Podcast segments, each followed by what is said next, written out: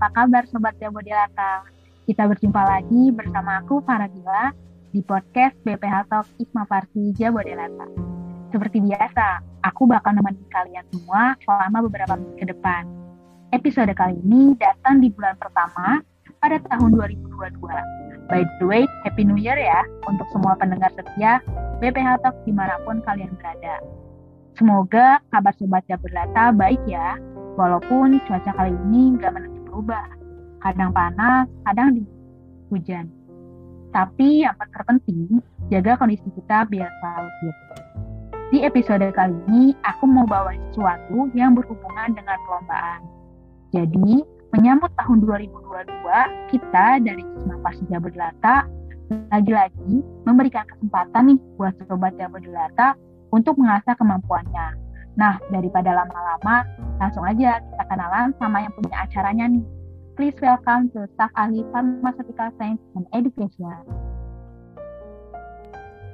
Halo, halo Sobat Jabo Delta. Akhirnya aku punya kesempatan lagi masuk ke podcastnya Jabo nih. Salam kenal kembali Sobat Jabo Delta. Aku Lutmila Amara, selaku staf ahli PSE sebagai pencetus program kerja Festival Jabo Delta. Oke, Kamila. Nah, sesuai dengan judul episodenya yaitu AADP. Ada apa sih dengan PSE?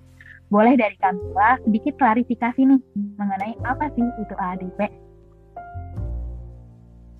Oh iya kak, sebenarnya ini bukan masalah yang tidak terlalu krusial ya Sobat Jabodelta. Jadi di PSE Jabodelta sekarang ini lagi-lagi memberikan kesempatan buat Sobat Jabodelta untuk mengasah kemampuannya nih dalam segi akademik ataupun akademik. Nah, kita susun dalam acara Festival Jabodelta.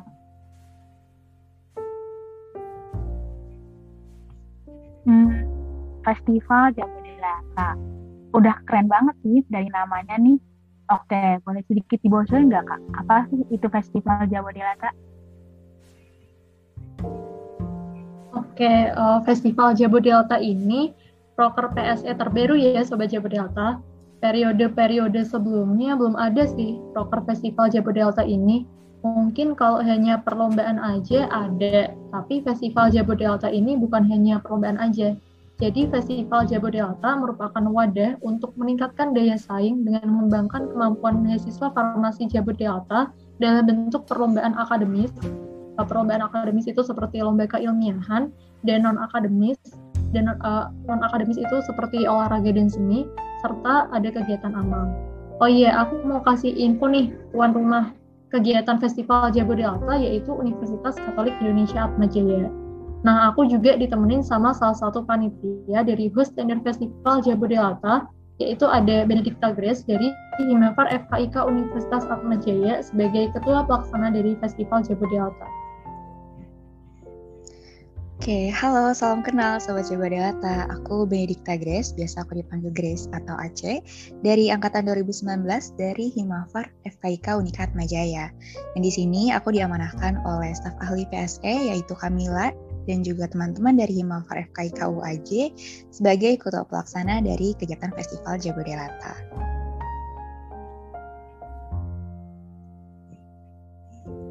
Oke, salam kenal juga Kak Grea. Selamat datang di BPH Tak Himafar Jabodelata. Nah, karena tadi udah jelas ini mengenai Festival Jabo, kira-kira apa aja sih lomba yang bakal ada di Festival Jabodelata itu? Oke, perlombaan di Festival Jabodelta ada dua kategori. Ada lomba ilmiah sama lomba olahraga dan seni atau yang kita sering singkat lomba alsem. Nah, kali ini di lomba ilmiah ada lima cabang perlombaan, yaitu yang pertama lomba isei, ada dua subtema. Yang pertama inovasi dalam mengurangi beredarnya fake medicine di Indonesia, dan subtema yang kedua untuk lomba isei, inovasi teknologi dalam menemukan rute pemberian baru untuk vaksin. Kemudian lomba yang kedua, lomba poster ilmiah, ada dua subtema. Yang pertama fake design dan subtema yang kedua untuk lomba poster ilmiah Germas, Gerakan Masyarakat Hidup Sehat. Kemudian lomba yang ketiga lomba video edukasi, ada dua subtema juga. Yang pertama PHBS atau perilaku hidup bersih dan sehat di era Covid dan subtema yang kedua untuk lomba video edukasi empat pilar gizi seimbang. Lomba yang keempat, lomba herbarium, yaitu pengawetan dari suatu tanaman. Ada dua subtema. Yang pertama, piece of life, yang berarti potongan kehidupan. untuk mengawetkan suatu tumbuhan yang memiliki makna yang dapat dijelaskan. Dan subtema yang kedua, oke, atau tanaman obat keluarga. Jadi ini mewajibkan peserta untuk memilih salah satu jenis toge untuk diawetkan. Kemudian lomba ilmiah yang kelima itu ada lomba passion yang merupakan lomba konseling pasien dengan tujuan nah ini di PCC juga ada dua subtema. Yang pertama meningkatkan kecerdasan pasien dengan informasi lengkap, lengkap, paham, dan mudah.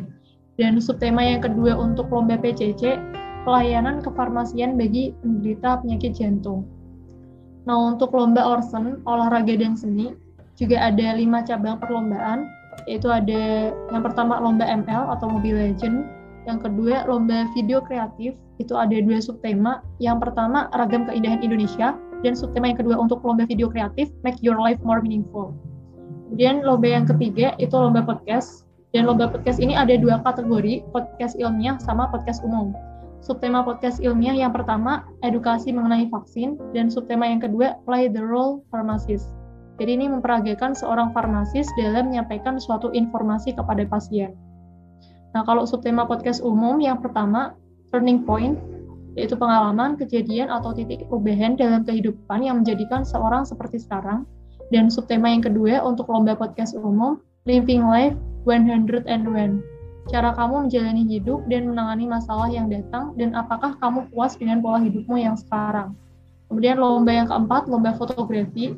Subtema yang pertama, Mona Adelisia.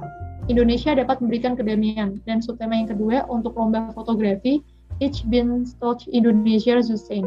Saya bangga menjadi warga negara Indonesia. Kemudian lomba yang terakhir untuk Orson itu lomba vokal atau band. Subtema yang pertama Make Your Music dan subtema yang kedua untuk lomba vokal atau band itu akulturasi budaya, budayamu, budayaku, budaya kita. Oke, deskripsi dan perlombaan juga udah. Nah, sekarang kita pengen tahu dong Kak, dari Festival Jabodetabek ini, kapan sih pelaksanaannya? Oh, aku serahin ke Grace ya sebagai host tendernya. Silahkan. Oke, thank you kakak-kakak. Untuk pelaksanaannya sendiri, serangkaian acara akan dilaksanakan pada bulan Februari sampai Maret 2022. Untuk rincian tepatnya itu, untuk awalnya akan diadakan open ceremony pada tanggal 12 Februari 2022, lanjutkan tahapan seleksi lomba baik tahap penyisihan maupun tahap final, tergantung dari teman-teman sekalian mengikuti mata lombanya apa, maka disesuaikan saja. Ya, untuk jelaskan dan dibimbing lebih rinci pastinya dari tim panitia. Kemudian uh, ditutup dengan itu di tanggal 19 Maret 2022 serta akan ada kegiatan agen kami di tanggal 26 Maret 2022. Secara lebih rinci langsung aja dicek di Tor Bodelata yang sudah disebarkan secara online di berbagai sosial Instagram Kak. Oke, keren banget ya ternyata acara Festival Jabodelata tadi di Mormoni, terus dilanjut sama akad eh, lomba-lomba akademik dan non akademiknya, terus tadi juga ada kegiatan amal atau pendonasi. Nah, selain itu sebenarnya partisipan dari Festival Jabodelata ini boleh diikuti oleh siapa aja sih, Kak? Oke, okay, uh, eh, untuk partisipannya, untuk kategori lomba ilmiah itu seluruh mahasiswa prodi farmasi yang ada di wilayah Jabodelata. Lalu untuk kategori lomba olahraga dan seni atau orsan itu uh, seluruh mahasiswa dari prodi mana pun yang ada di wilayah Jabodelata. Jadi siapa pun boleh banget ikut selama lembaga atau universitasnya itu berada di wilayah Jabodelata. Wilayah Jakarta, Bogor, Depok, Lampung, Tangerang, dan Bekasi. Wah, lengkap banget nih. Udah dijelasin semua mengenai Festival Jabodelata sama Kamila dan Kak Grace. Jadi, tunggu apa lagi nih teman-teman? Ayo daftarkan segera diri kalian dan lem kalian di acara Festival Jabodelata. Oke, bukan cuma itu. Kita juga akan mendapatkan include atau benefit jika Sobat Jabodelata mau ikutan berpartisipasi dalam acara yaitu Oke, dimulai dari pertama, mengikuti sesi perkuliahan itu penting ya, cuma diiringi sama mengikuti perlombaan jauh lebih baik pastinya. Walaupun kita sebagai mahasiswa farmasi yang sudah terkenal sibuk banyak tugas, tetapi mengasah skill dengan cara mengikuti perlombaan itu juga dibutuhkan ya sebenarnya. Keuntungan atau benefit yang didapatkan bisa nambah pengalaman, relasi, dan tentunya ada hadiah bagi yang menang.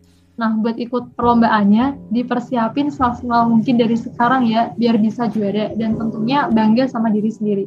Jangan lupa daftarkan diri Sobat Jabar Delta untuk mengikuti perlombaan, baik itu lomba ilmiah ataupun lomba orphan. Untuk pendaftaran gelombang satunya cuma sampai besok ya, tanggal 13 Januari 2022. Jadi kalau mau daftar di gelombang satu, buruan daftar ya Sobat Jabar Delta tapi tenang, masih ada pendaftaran gelombang 2 mulai tanggal 14 Januari 2022 sampai tanggal 5 Februari 2022. Oke, catat tanggalnya ya Sobat Delta. Jangan sampai kelupaan. Aku tunggu Sobat Delta buat daftar perlombaan di gelombang 1 ataupun gelombang 2. Oke, okay, bukan cuma itu aja loh teman-teman. Uh, aku mau memberikan informasi sedikit. Uh, untuk HTM atau biaya pendaftarannya itu bervariasi dan pastinya terjangkau banget untuk dompet mahasiswa nih.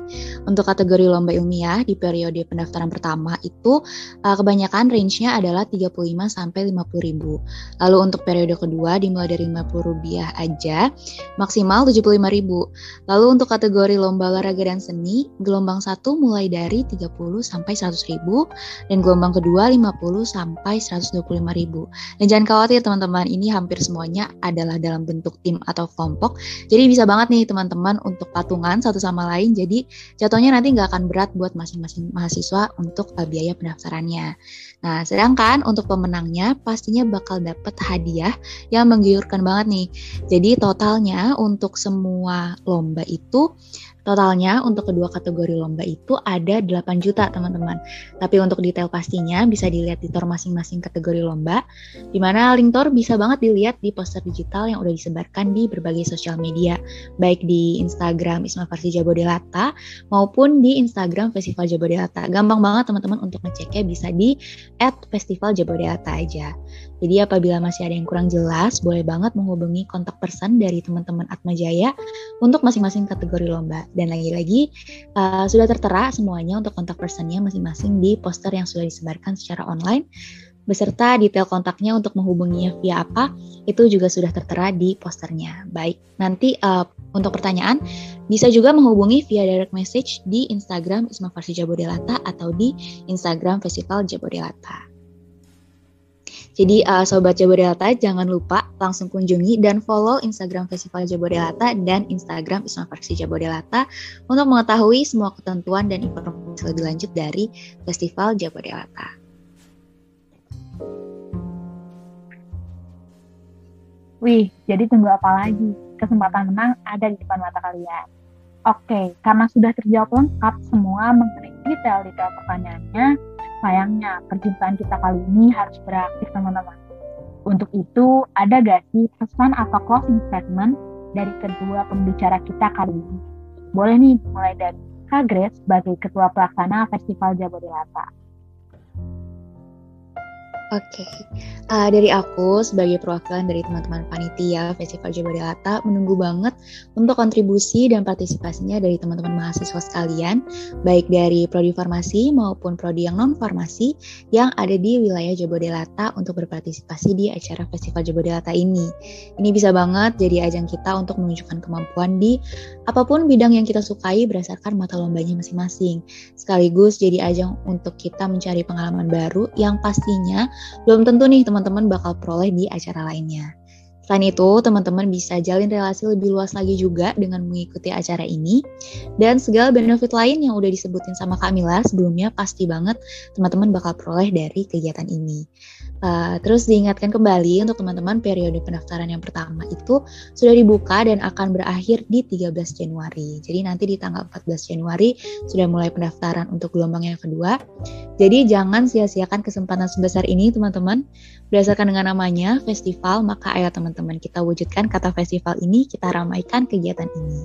Jadi uh, sampai jumpa teman-teman di Festival Delta nanti. Oke, okay, thank you Kak Grace. Nah, sekarang ada dari closing statement dari Kamila selaku pencetus program kerja Festival Jabodelata. Oke, closing statement dari aku, pokoknya Sobat Jabodelta wajib banget daftar di kegiatan Festival Jabodelta. Jangan sampai menyesal, karena penyesalan datangnya di akhir. Jadi Festival Jabodelta itu proker PSE terbaru dan proker PSE terakhir yang dibentuk oleh standar di periodeku ini. Gak hanya perlombaan aja di Festival Jabodelta ini, di Festival Jabodelta ini juga sebagai ajang untuk mempererat hubungan antar mahasiswa Jabodelta, baik yang lembaga eksekutif mahasiswanya sudah menjadi anggota ISMA Farsi Jabodelta ataupun yang belum menjadi anggota ISMA Farsi Jabodelta. Oh iya, mau sedikit mempersingkat, untuk lomba ilmiah ditujukan mahasiswa farmasi Jabodelta, baik yang lembaga eksekutif mahasiswanya sudah menjadi anggota ISMA Farsi Jabodelta, ataupun yang belum menjadi anggota ISMA Farsi Jabodelta. Untuk lomba orsen ditujukan mahasiswa umum Jabodelta, jadi lomba Orson ini nggak cuma mahasiswa farmasi aja ya, bisa dari mahasiswa teknik mau ikut lomba uh, boleh, atau mahasiswa akuntansi mau ikut lomba juga boleh. Jadi lomba Orson ini umum, jadi nggak cuma kenal sesama farmasi aja ya. Wah, keren banget ya closing statement dari kedua bintang tamu kita pada hari ini. Untuk Sobat Jabodetabek, jangan lupa partisipasinya untuk Festival Jabodetabek sayangnya kita harus berpisah.